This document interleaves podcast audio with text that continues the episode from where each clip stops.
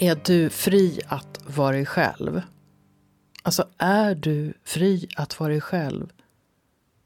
Eller anpassar du dig till det du tror att andra förväntar sig av dig?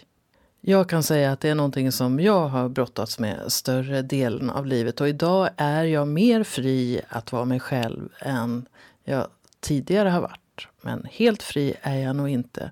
Och frågan är hur det är med Sanna Sanita som jag har träffat och som jag känner sedan många år. Hon jobbar med medveten sexualitet. Men i grund och botten så handlar det om att bli fri, att vara sig själv. Hon har varit en rebell i hela livet och sakta men säkert börjat hitta sig själv. Och i det här samtalet så kommer hon att berätta om hur hon vaknade upp och hur hon lever idag och vad som har varit hennes lärare på vägen. Och du kommer att få komma i kontakt med en rad begrepp som du kanske inte har hört tidigare. Som till exempel ayahuasca som är en man kan säga magisk dryck som människor tar för att komma till andra medvetande tillstånd.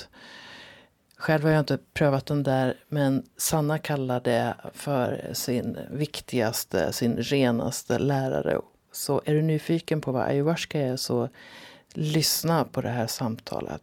Hon pratar också om vad uppvaknande kan vara och som hon definierar det handlar om att vi vaknar upp till det som är vår djupaste längtan i hjärtat. Och det här kanske kan låta främmande eller spännande för dig. Men lyssna noga och fundera på var du själv befinner dig någonstans. Nu är vi i augusti. I helgen ska jag åka på bröllop i dagarna tre. Jag har haft en fantastisk sommar. Jag har varit i Danmark och i Frankrike, åkt bil däremellan. Jag har sett glada människor, jag har sett ledsna människor, jag har sett fyrverkerier. Jag, jag har varit med om så mycket. Så nu riktigt längtar jag efter att höstterminen ska komma igång ordentligt. Och jag ska få hålla på med lekfull tantra och ge sessioner och coacha människor och allt det där som jag brukar göra till vardags. Och då känns det skönt att börja med att lyssna till Sanna Sanita. Och du kan också fråga dig, vem är du och varför finns du här? Jag befinner mig på Ståltrådsvägen en fantastisk försommardag tillsammans med Sanna Sanita. Och hon är en sån där person som är svår att definiera. Hon jobbar med medveten sexualitet. Men egentligen handlar det om att hjälpa människor att bli fria, att vara dem själva. Kan du inte berätta lite mer? Ja, absolut. Så vad jag brinner för är just det, som du säger, att hjälpa människor att stå i sin sanning, i sin kraft eh, och leva ett liv som de har valt från insidan. Och där ingår ju sexualitet, det ingår att eh, ifrågasätta sina trosföreställningar, eh, var man kommer ifrån, sin utbildning, livet, eh, vilken familj man växte upp i. Det handlar om att ifrågasätta allting egentligen. Det viktigaste för mig är att hjälpa människor att uttrycka sig till sitt fullo. Jag mötte dig första gången, är jag nästan säker på, på Sexibility-festivalen på mm. Öland sommaren 2013. Mm. Och du kom dit med Shashi Soluna och du var som en fjäril som kom in. Och, alltså, vem var du då och vem är du nu? Ja, just det. Ja, vem var jag då och vem är jag nu? Egentligen är det nog inte så en jättestor skillnad från då och nu. För jag har alltid haft ett djupt kall i mitt hjärta att, att följa min sanning, att följa Eh, det, här, den här, eh, det här kallet att vakna upp och utforska livet i alla dess vinklar. Och sen har det ju tagit mig till olika, att utforska olika traditioner och olika lärare och teachings etc. Vad som skiljer mig från då och nu mer markant är att jag har verkligen valt att nu stå upp för det jag står för och jag hjälper andra människor till en mycket mer. Jag håller ju mer kurser och jag känner mig mer trygg i det jag gör. Du säger att du vaknade upp. Mm. Har du ett specifikt minne av själva uppvaknandet? Ja, absolut.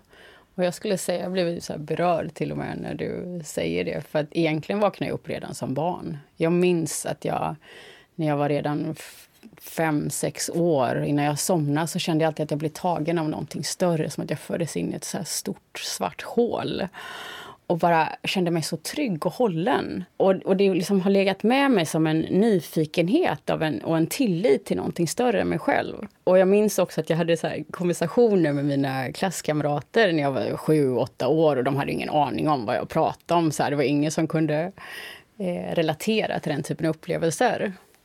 Och sen i mina tonårsår så hade jag ju, vaknade jag upp uh, genom medialitet, att jag hade direktkontakt med andevärlden och såg saker som, var, ja, men som andra inte såg och tyckte det var jätteroligt och experimenterade med det på olika sätt tills tills jag insåg att jag experimenterade lite för mycket och skulle vara mer försiktig. Men, nu blir jag nyfiken. Har du något exempel på när det var lite för mycket? Ja, det har jag. För jag satt ju och kallade in de här krafterna. Så här, men kom visa er för mig, jag vill se vilka jag är ni och så vidare. Och, och då minns jag specifikt en gång där jag, jag låg och sov och helt plötsligt var det ett täcke som började, började dra av det började, någon, någonting började dra med mitt täcke i sömnen och började så prata med mig. Haven't we met you before? Massa konstiga röster och det kändes inte som en, eh, en god kraft om man säger så. Och jag minns, jag hade också någon liknande sån här buddha-sarong som hängde på vägen. Och då vaknade jag upp någon natt och då var det så här, buddhan stod utanför på golvet och tittade på mig. Och jag vaknade upp och tittade på den och så, så här, sugs den in i, i sarongen igen. Krukor som föll i golvet och sådana saker. Och då kände jag att det här vill inte jag... Det blev lite för... Jag kände att jag öppnade upp mig lite för mycket där. Och då valde jag att sakta ner, att stänga ner den delen och inte bjuda in. Jag vara mer tydlig vad jag bjöd in helt enkelt. Så vad bjuder du in nu för tiden? Ja, precis. Jag, kan, jag ska adda en sak till av mina första riktiga djupa uppvaknanden som jag hade som ledde till vad jag kallar in nu. Och det var mm, som sagt, jag kände mig alltid dragen till någonting större i hela mitt liv. Och jag valde ju att lämna skolan. Jag var 17 år. Jag ville inte vara kvar. Jag åkte ut och reste. Och sen började jag studera ayurveda och transcendental meditation när jag var 19. Och, och jag hade liksom egentligen, jag bara följde mitt kall. Jag hade egentligen ingen aning om vad jag gjorde. Men då hade jag direkt sån här väldigt, jag kom in i samadhi första gången när jag var 19. Och det är ju något av det största en människa kan uppleva. Alltså det är total upplösning i kärlek, i ljus. Och jag kommer ihåg att jag satt där och mediterade och, och bara lämnade kroppen och kände att jag har hittat hem. Så här, jag behöver aldrig mer komma tillbaka till jorden. Jag får till och med rysningar när jag pratar om det. Så här, jag har kommit hem. Och då får man en så här käftsmäll av någonting som bara It's not your time yet! så puff, kom jag tillbaka in i kroppen. och efter det så fortsatte det att jag hade såna ganska djupa uppvaknanden när jag mediterade. Och det har ju legat med mig i det här sökandet. Så. Och på, i den tiden, på den tiden hade jag inte direkt någon lärare som jag kunde prata med detta om. Jag förstod inte vad... Jag tänkte att detta var normalt, alla upplevde sånt här. Alla kunde prata med andar, alla hade spirituella uppvaknanden. så, så, jag var så här, la la la la det var inget speciellt med mig eller med det. och, och sen, liksom många år nu senare har jag insett att det är ju ganska häftiga, stora upplevelser. Så. Verkligen. Ja. Och det ligger kvar i mitt, i mitt eh, sökande idag. Alltså jag har ju haft de här upplevelserna till och från under 20 års tid. Och det kommer ju och går. De är lite svagare nu än vad de var då. Men det är fortfarande den här, jag är nästan slav till den känslan av att ge mig hän, det större. Och det är det jag vill kalla in så mycket som möjligt när jag jobbar med andra människor. Det är det jag vill kanalisera och eh, ska man säga, överföra. Säger du att när du möter en klient, mm. för du tar emot mm. klienter, mm. så är det inte bara du som hjälper klienten utan du tar hjälp av något som är mer än du? Ja absolut. Och jag, och jag vill inte ens säga att det är någon så här separat entitet utan det är mer Guds jag vill inte säga Guds kraft heller, men, men livskraft, det är divine, precis. Det är absolut det är divine. Och där tränar jag på att Oh, jag blir så här skakig när jag pratar om det. Jag tränar på att så mycket som möjligt komma ut, get out of the way. Alltså komma bort från mig själv så att detta kan komma igenom. Och, och det är en, en, en practice. För det är klart att ibland så får jag för mig att jag ska göra vissa saker, Sanna ska göra någonting. Men det roligaste är ju när den här kraften får komma igenom. Och det är ju bara kärlek och, och, och, och förståelse. Ibland lite så här fierce love. Och det, man berör jag känner att när jag går in i det tillståndet så berör det på människor på djupet på ett annat sätt. Nu får jag såna där goosebumps. Ja. För um, jag var på en tantrakurs nyligen som deltagare mm. och sen så fick jag gå in och assistera när vi jobbade med kundalini. Mm. Och jag bara följde min intuition. Mm. Och um, Alltså det blev såna processer som var helt otroliga. Precis. Jag började få energiorgasmer ja. och då eh, blev det kedjeeffekter ja. utav det där i hela rummet. Precis. Precis. Men det är det, man blir en, man blir en transmittor, en, en, en förstärkare. Så det är det jag tycker om att kalla mig själv för. För jag tycker inte om att sätta en, en etikett på mig själv egentligen. Så att när jag tonar in på vad är det jag gör egentligen så känner jag att jag är en förstärkare. För jag låter vara det som kommer igenom komma igenom och jag förstärker det som egentligen redan finns i människor. Precis, alltså jag brukar säga när jag leder en kurs ja. att mm, jag skapar rummet ja. eh, och sen det som och håller rummet och sen så mm, ja, sen gör människorna sitt jobb. Ja, liksom. Precis, precis så. så. Så du är ingen guru då? Nej, absolut ingen guru. Don't wanna be one. Nej. Men, men vad är det vi vaknar upp till då? Mm. Vad är det? Precis. Och det är det viktigaste. Det är våran, våran största längtan skulle jag säga. Det är det som är så bortglömt i samhället idag. Det är där jag vill, så här, och som jag vet du också vill, det är att väcka den, den gnistan i människor. Och det är ju till vår största, djupaste, sannaste längtan i hjärtat. Det, det finns ingen, ingen människa, inget yttre som kan fylla upp det tomrummet. Det är bara en djup hängivelse som kan göra det. Och det är så viktigt. Jag tror att skulle vi vakna upp till det idag så skulle världen se helt annorlunda ut. Jag är helt enig. Ja. Och det jag märker också, ja. både hos mig själv och hos en del klienter, det är att när det här inre rummet mm man upptäcker det här svarta universumet mm. eller vad man vill kalla mm. det, här tomheten mm. inuti sig, i sig. Mm. Så är första impulsen att bli skiträdd. Mm, precis. M många människor är ju rädda för det, det unknown, det som vi inte känner till. Och speciellt den tomheten, för det är en slags tomhet. Men det är också en ingång till fullhet. Men det, det är ingenting vi får lära oss i skolan. Vi får inte lära oss om detta i skolan. Så det är klart att det blir en, en, en skräck, för att det, eller en rädsla i det, för att det, det finns ingenting som vi kan känna igen. Och det, och det är också ett, ett, ett, liksom en mekanism, det är en del av oss som inte vill gå in i det rummet. Men visst kan, kan, eller kan du idag säga nu vill jag gå in i rummet? Till och från. För ibland kan ja. jag det. Alltså om jag om jag börjar göra en, leda en annan människa i meditation så hamnar jag där direkt. Ja. Jo, men på det sättet. Oftast, det är oftast enklare som du säger när jag guidar och så verbalt och, och, och liksom, då är det enklare för mig att sätta mig i det spacet mer än faktiskt när jag sitter själv. Precis. Ja. Precis. Ja. På de här åren så har ju du hunnit göra väldigt mycket. Mm. Och Förra året tror jag att du gav dig ut i Amazonas och det är jag väldigt nyfiken på. Just det. Första gången jag åkte till Amazonas var 2006. Så jag har nog spenderat ett och ett halvt år där i, totalt. Wow. Och, och ayahuascan och den traditionella shamanismen de utför där är, har ju alltid varit en, en stor del av min, min path, min väg. Så jag, och, men det är inte en enkel väg alltid. Um, jag har faktiskt, förra året var en väldigt stor utmaning för mig. Och jag kom in i, i rum som jag, jag inte visste jag skulle hantera faktiskt. Är det inre rum du pratar om? då? jag vet inte vad det är för rum. jag ska vara ärlig. Inre rum, yttre rum, rum påverkade från utsidan. Det är fortfarande någonting som jag dealar med. Jag, hade, jag råkade ut för svart magi. Och det är, det är något som jag...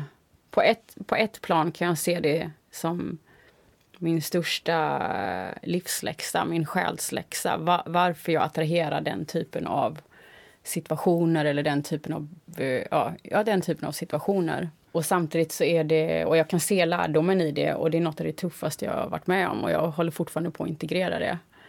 Och jag vet, jag tror, liksom mitt ankare som jag håller fast i är att när jag integrerat det här lärt mig så kommer liksom det, jag tar mig själv till en helt annan plats och nivå. Men, men jag är inte så här, det var, det var en jättetuff resa just förra året. Var det. Och hur vet du när integreringen är klar? Ja du, det vet jag inte. jag har på känn vad jag behöver göra och det är dags. Vad som, vad som hjälper för mig är att jag integrerar läxorna som jag får genom ayahuascan. Och sen så får jag dricka igen, så får jag en slags konfirmation var, var jag befinner mig. Nu var jag faktiskt ganska eh, skräckslagen efter förra gången och det ska krävas mycket för att jag, jag eh, liksom sätter ner svärdet och säger okej, okay, I give up. You know, I will never give up. Men just nu behöver jag en paus. Men nu känner jag att jag är redo att hoppa upp i sadeln igen för att få en, en, liksom, en konfirmation och se om någonting har skiftat. För det är ett plan som är väldigt svårt att, att prata om. För det är ju någonting som händer i mitt psyke när jag dricker detta. Som, det är obeskrivbart på ett sätt. Ja, jag har hört sådana som har, jag har inte själv prövat, Nej. men jag har hört vänner som säger att de, att de förstod hur allting ja. hängde ihop. Ja. Att och det hade jag ju första gången jag åkte dit, då, 2006, hade jag såna eh, otroliga upplevelser också. Det, min kundalini liksom vaknade upp och det var helt...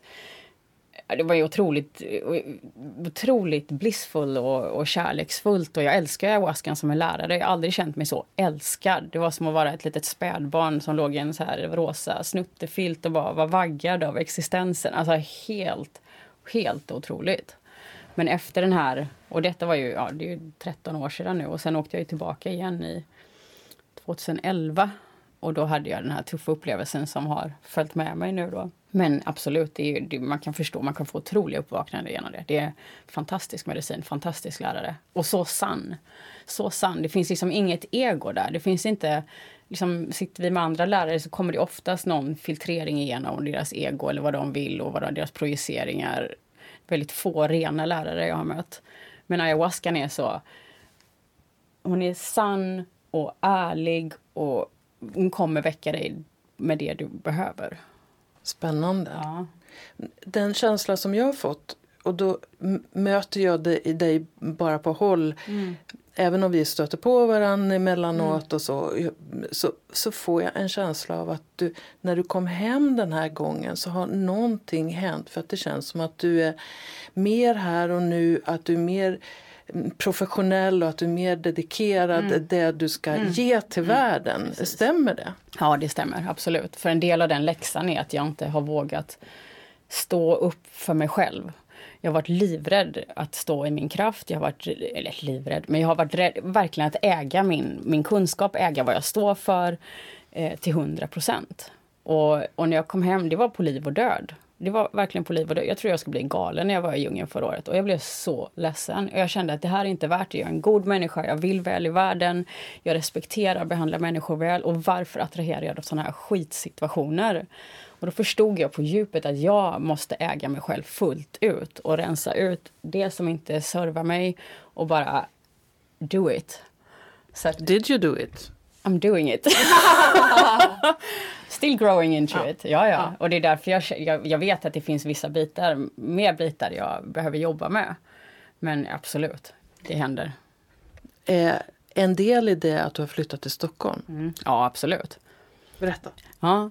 ja, men för mig är det, eftersom jag har rest så många, mycket i många år. Jag har ju, ja, jag har känt, jag följer ofta mitt kall och min intuition. Och jag känner att Sverige har inte varit eh, redo för det vi gör. Jag har inte fått min, jag har inte fått, jag har inte kunnat utvecklas på det sättet jag velat här eller nå den publiken jag velat, velat eller det har inte, energimässigt har det inte varit plats för det. Och för ett par år sedan eller något så kände jag att ja, men det börjar så här. Sverige började kalla på mig.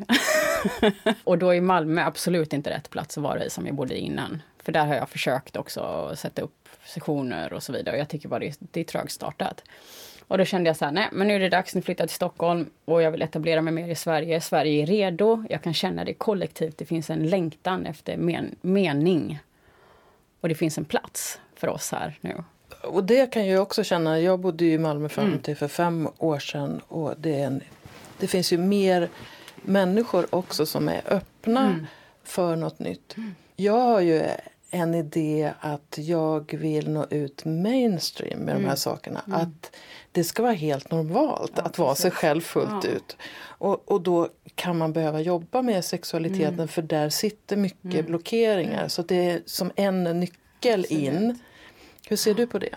Ja men absolut, det är jätteviktigt. Speciellt när vi tittar på hur mycket skuld och skam det finns kring sexualitet och hur lite vi vet av vår sexualitet, vilka möjligheter det finns för vår sexualitet, att äga vår sexualitet, olika typer av njutning. Alltså det, det är som en, den centralmotorn, skulle jag vilja säga. Att när vi frigör det som är så stagnerat kring vår sexualitet så finns det liksom inget hinder på vad vi kan göra. Och det handlar inte bara om så här sex, ligga, utan det handlar om verkligen om att, som vi i tantran, som vi gör, att cirkulera energin och lyfta energin och sprida den här livskraften ut. Jag tänker en av de saker som du jobbar med med grupper ja. är ju någonting som kallas för dearmorering. Mm. Om du förklarar lite grann mm. vad det är. Just det, dearmorering för mig, det är en Eh, det finns ju olika typer av dearmorering, men den metoden jag har utvecklat, är det sidospåret eller spåret, spåret jag har utvecklat. Det är ju där vi först och främst jobbar med eh, det fysiska och frigör emotionella och, eh, och fysiska blockeringar. Och de här blockeringarna är oftast ett eh, slags eh, kroppsminne av trauman eller jobbiga händelser vi har haft. Och de sätter ju sig som ja, men precis den här händelsen med minnet och den frekvensen i kroppen som faktiskt filtrerar oss hur vi lever varje dag, hela tiden. Och genom att då dearmorera kroppen så, så öppnar vi upp till ett rent energiflöde i kroppen. Så vad gör man konkret? Ja, när man jobbar på det fysiska, för sen är det också en mental bit till det då. Um, på det fysiska, då jobbar vi Eh, det finns vissa sekvenser man kan göra för att gå in och lösa upp punkter på kroppen. Ofta är det väldigt individuellt. Så vi jobbar med alltså var de här känsloblockeringarna sitter. Man trycker, man trycker på... Precis. Och, och istället för som en vanlig triggerpunktsmassage, det är ungefär samma som en triggerpunktsmassage. Det är bara att med triggerpunktsmassagen jobbas det mer på musklerna. Medan här går vi in i smärtkroppen. Så det går lite djupare. Och det kan vara över hela kroppen. Det kan vara benen, magen, brösten, ansiktet, halsen, armarna, överallt. Och också då på kön. Så vi jobbar med intern dearmorering också. Och då mm. går man och trycker och masserar och så. När du får en klient som, mm. som eh, vill ha en dearmorering, mm. i hur hög grad är det din intuition som jobbar? Ja, men det är ju 99,9 procent. Såklart. Alltså det finns, det finns ju vissa delar av kroppen som har så här good, som är goodiebags. Liksom. Ja, men, magen finns det ofta blockeringar i de flesta människor. Rumpan och kön. Alltså det, det, är så, det finns alltid någonting där. Men, men sen är det vissa punkter som behöver mer eller mindre eh, uppmärksamhet. Och det är ju att våga lita på det och följa den intentionen. Och har du själv då utsatt dig för dearmorering? Såklart. Jag har gjort mycket, jättemycket olika saker, provat på jättemycket hit och dit. Och i 2011 så kom jag i kontakt med sexuell dearmorering och tantra. Jag har ju också sexuella övergrepp i min bakgrund som jag började jobba med för många år sedan. Då. Och där har jag liksom gjort ja, psykoterapi, olika typer av primalterapi etc. etc. runt det. Och det har hjälpt mycket att få förstå mig på mig själv på många sätt. Men det var ändå någonting som saknades. Så när jag kom i kontakt med demorering och tantra och fick min första eh, demorering och interna demorering så var det som en, en revelation, ett uppvaknande. Först för att jag, det var en man som gav mig den här sessionen och vi gick in i, en, i, i njutning. Och att bara få uppleva att en man tog på mig för min skull utan att jag behövde göra någonting tillbaka. Jag bara tog emot. Bara att ens få det i sitt cellminne var helt otroligt. Och efter den sessionen så bestämde jag mig för att gå på en tantrakurs. Och då gjorde jag det och då var det också demorering där. Och då fick jag ytterligare en demorering på min eh, livmoder livmodersetapp. Och i den stunden som jag fick den här demoreringen så hade jag ett, ett, ett spirituellt uppvaknande jag, såg, jag mötte så mycket smärta och jag mötte så mycket ljus samtidigt. Det var som en... Liksom jag satt och grät och skrattade samtidigt. Och jag mötte, jag kände som smärta som inte bara var min utan det var kvinnors förtryck. Det var förtryck i min liksom, generation efter generation och övergrepp. Och, och jag bara kände det här sköljdes genom min kropp. Mm. Och, och jag satt verkligen och bad efteråt och var så djupt tacksam och så sårbar. Och så kände jag att det här måste världen få veta. Så här, jag, dedik- jag kommer ihåg att jag dedikerade mig i den stunden att så här, jag ska dela med det, det här med så många kvinnor jag kan. Wow! Och det var där min resa började. Ja, för jag brukar säga att min resa började med att jag insåg att jag hade spelat teater hela mitt liv. Ja, det. Och det var ja. frågan Vem är jag? Just det, den så, är bra. Ja. ja. Jag är förvirrad på en högre nivå, jag brukar säga.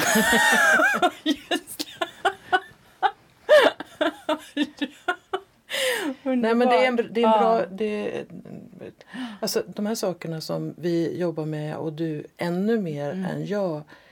Det är ju otroligt kraftfullt mm. också och kan förändra människors ja, ja. liv. I, alltså ja. Transformation brukar man tala om. Precis. Och ibland, något som jag har tänkt på det är att jag har varit i de här eh, kretsarna i alltså början på 2000-talet mm, mm. och då är det massa saker som blir självklara. Mm, mm.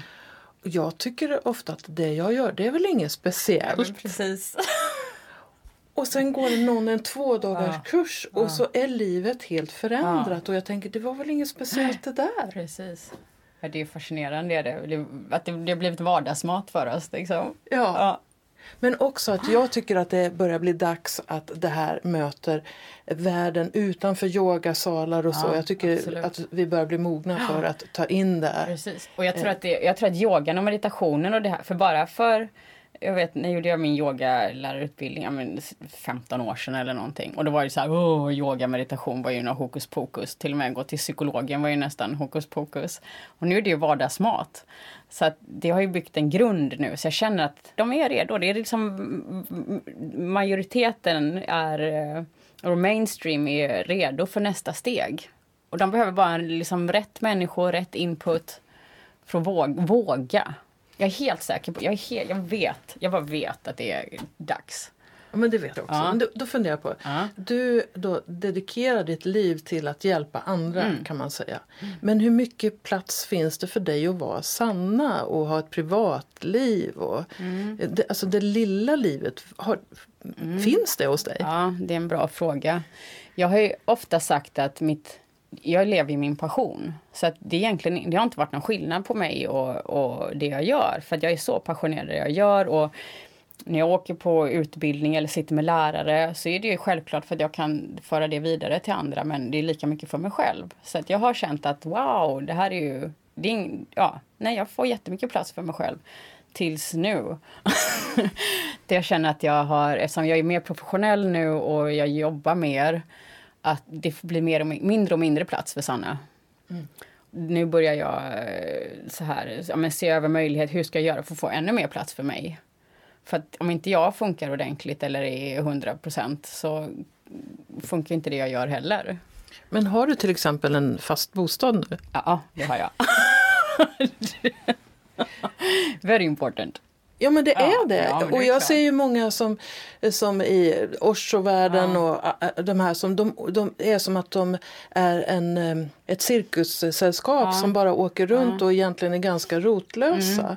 Och jag tror att det är bra att att ha en plats. Ja, absolut. Det är jätteviktigt att ha speciellt. Alltså jag har alltid haft en, en bas, så även om jag har rest jättemycket och i och för sig så har det gjort mig ganska rotlös också eftersom jag har varit på nya platser hela tiden. Men absolut, det går inte. För mig märker jag att det gör hela skillnaden när jag har eh, min bas, min trygghet, jag kan stänga mina dörrar, det är tyst, det är lugnt, det är ingen som vill ha någonting från mig.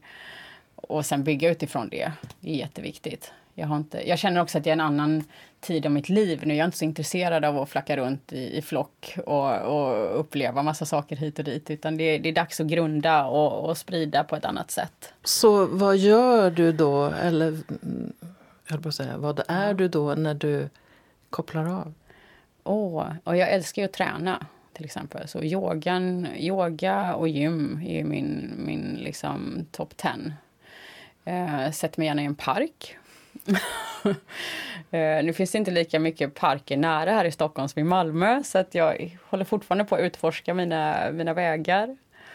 Jag har i, i min lägenhet där jag bor nu, jag bor på fjärde våningen, så är det ett stort fönster med en stor björk utanför. Så jag brukar sitta i soffan så här och så bara tittar jag på den här björken som, som uh, fladdrar tänkte jag säga, men som rör sig i vinden. Och det är en, en skön avslappning för mig. Mm. När man gör ett sånt där, eller har ett sånt här kall som mm. du har, så föreställer jag mig att du ibland möter människor som är skeptiska. oh, Gud, ja. Hur hanterar du det? Ja, bättre och bättre. det har varit så intressant för att jag har, en, jag har faktiskt en, en, en svag punkt där. Eftersom jag växt upp i en akademisk familj och en familj där det ska vara karriär och så vidare. Och jag har alltid varit annorlunda. Jag har alltid varit rebellen, det svarta fåret och gått min egen väg. Och det har varit mycket suck och stön och stånk och, och varför ska, kan inte du vara som alla andra? Och, och liksom den här delen av mig som alltid varit rebell har jag aldrig kunnat vara något annat än rebell. Och samtidigt har det varit dottern som vill liksom vara duktig och, och, och forma sig efter sina föräldrar. Så det har ju legat kvar en sån bit att jag inte är bra nog och jag är konstig och varför kan inte jag vara som alla andra? Och, och också faktiskt i, i miljöer där jag varit så har jag alltid varit annorlunda och försökt anpassa mig men då också liksom aldrig riktigt passat in. Och då har jag ju märkt det att eh, liksom när jag har mött Även trots att, trots att jag alltid har stått upp för mig själv när jag har mött människor utifrån, speciellt när det kommer till att jobba med sexualitet, så har det, har jag, har det varit en tuff resa och stå upp emot det. Och faktiskt senast förra veckan så hade jag en man som ut, utmanade mig ganska mycket och så märkte jag igen att wow, här har jag fortfarande en svag punkt. Här trillar jag av hästen liksom. För att jag tog till mig och kände att ja, men vem är jag och jag är inte god, bra nog och jag är inte smart nog för att jag har inte den här, den här utbildningen utan jag gör det jag gör. Och nu ser jag det som sport. Liksom att okej, okay, nu, okej, okay, wow, här har jag någonting, här har jag en svag punkt. Mm hur kan jag möta det nästa gång utan att trilla av hästet? Hur kan jag stå fokuserad? Hur kan jag stå i min sanning? Och det går bättre och bättre alltså? Det går absolut bättre och bättre. Också för att människor blir mer och mer nyfikna på detta och öppna för det. Och hur är det, din, din familj då? de har gett upp. Men är de nyfikna på ja, vad du gör? Nu, nu är de det. De har alltid varit så här, min mamma brukade säga, måste du alltid klättra Mount Everest? Så, här, så, när jag kom till henne då för, alltså när jag började jobba med detta med medveten sexualitet och diarmorering då för, vad är det nu, åtta, sju, åtta år sedan. Och så har jag alltid velat så här, men jag tänker stå upp för den jag är. Jag skiter i vad de säger, de får ta mig för den jag är. Och så när jag berättar detta då, de bara, nej men liksom, har du sitter och eh, då masserar människors kön. utan att ha någon förståelse av helheten såklart så låter det ju helt bisarrt. Men de har bara respekterat det. De ser ju att jag, jag, jag mår bra, jag, det går bra för mig, jag hjälper människor. Så nu har de ju bara så här, nu är de ju stolta. Men jag, för mig är det väldigt viktigt att stå upp för den jag är. Jag vill inte liksom eh, låtsas om här och var att ja, men här gör jag så här och här gör jag inte så här. Utan jag är den jag är, punkt. För alla jag har kommit så långt som att jag väljer vad jag pratar om ja. i olika sammanhang. Ja. Och jag är inte så, här, pushar på. Nej. Utan om folk är nyfikna så, så ja. svarar jag gärna men jag är inte en predikant Nej. på det sättet. Nej, det håller jag med om. Det är inte jag heller. Det känner jag inte att det är viktigt. Det, det har inget behov av att vara. Jag kan tycka det är kul ibland om folk är lite väl uptight. Alltså släppa en bomb liksom. Bara få se så här. Men vad, vad händer om jag säger det här? Så kan jag så retas lite liksom och bara se hur det...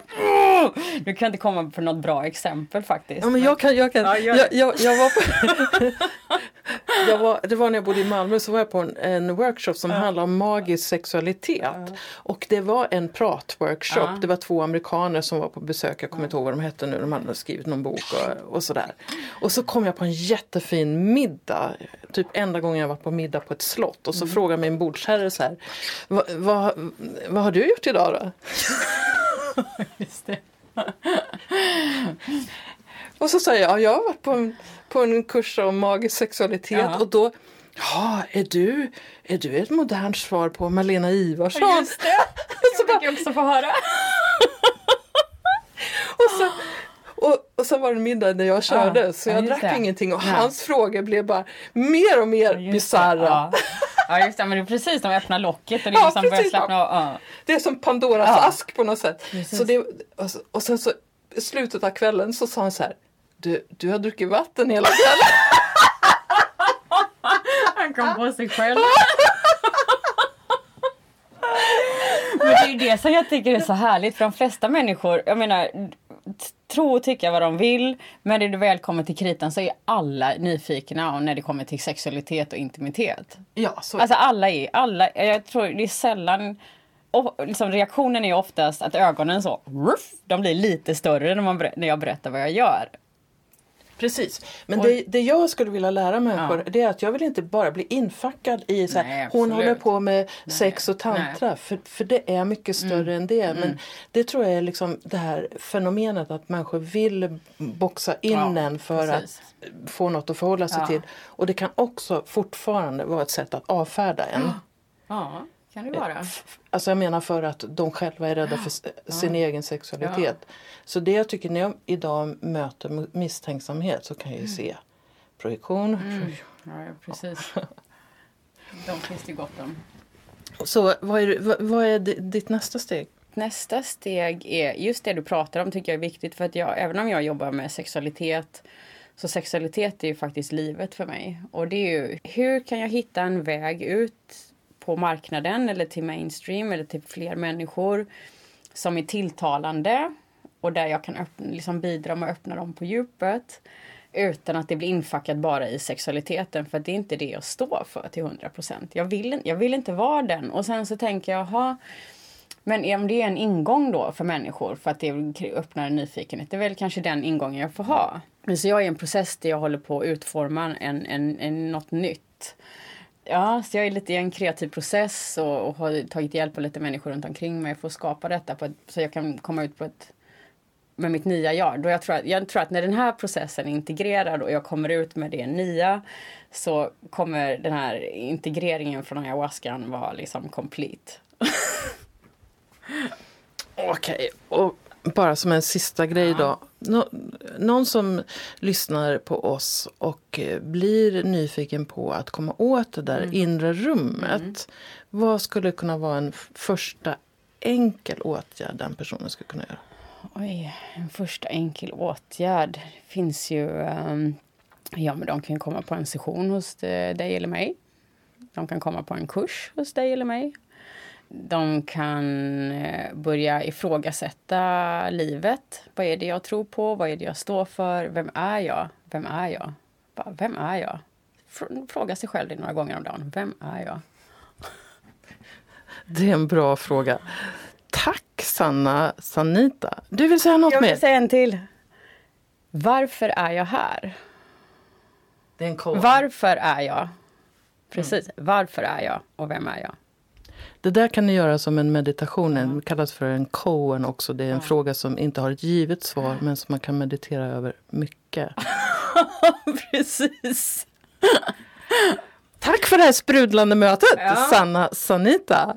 Mm, tack själv. Ja, hur långt kommer du när du ställer frågan Vem är du? Vad representerar den frågan för dig? Och om du är nyfiken på Sanna Sanita och vad hon gör, vill du gå en kurs i dearmorering eller vill ha en session, sök på Sanna Sanita så kommer du att hitta henne. Själv är jag ju Charlotte Kronqvist. Den här podden är ett av mina hjärteprojekt. Och jag hoppas kunna komma med många intressanta gäster under den här hösten. Jag har redan några samtal inbokade. Så de kommer i sinom tid och när jag har tid för det. Nästa helgkurs med Lekfull tantra sker den 28-29 september i Stockholm. Och för dig som vill få ett smörgåsbord av tantra så kommer Stockholms tantrafestival, höstversionen, den 22-24 november. Men innan du anmäler dig till den så kan du lyssna lite grann på när jag berättar om varför jag har skapat Lekfull tantra. Och du kom ihåg att gå in på min hemsida och kolla vad jag gör och erbjuder. charlottekronqvist.org eller bara googla mitt namn. Ha det underbart. Det ska jag ha. Lekfull tantra, vad är det? Jo, det är något för dig som vill leva fullt ut. Tantra kan bidra till att du expanderar som människa och att du lever livet mer på dina villkor. Det handlar om att vara med när livet händer. Att du lägger märke till dina sinnesintryck. Att du blir medveten om dina känslor, din andning, dina rörelser och dina ljud. En del av tantra handlar om njutning och sexualitet. Men det är så mycket mer. En väg in i dig själv. Ett sätt att få mer energi och att känna livet spritta i dig. Jag vill att det ska vara lätt för dig att vara du. Jag vill bidra till att du känner dig tryggare och med lekfull tantra kan du öppna möjligheten till mer sinnlighet och njutning. Du kan läsa boken Lekfull tantra, din väg till att njuta av livet. Den finns både i nätbokhandlarna och på min hemsida. Och när du köper den direkt av mig så blir den lite dyrare men du får med en kärlekshälsning. Eller så kan du gå en kurs i lekfull tantra. Det finns både en onlinekurs för dig som vill träna själv och som helgkurs för dig som vill träna med andra. Då och då ordnar jag också kortare workshoppar. Vill du bjuda in till en workshop på din ort eller i ditt hem? Ta kontakt med mig. Du når mig enklast via hemsidan charlottekronqvist.org.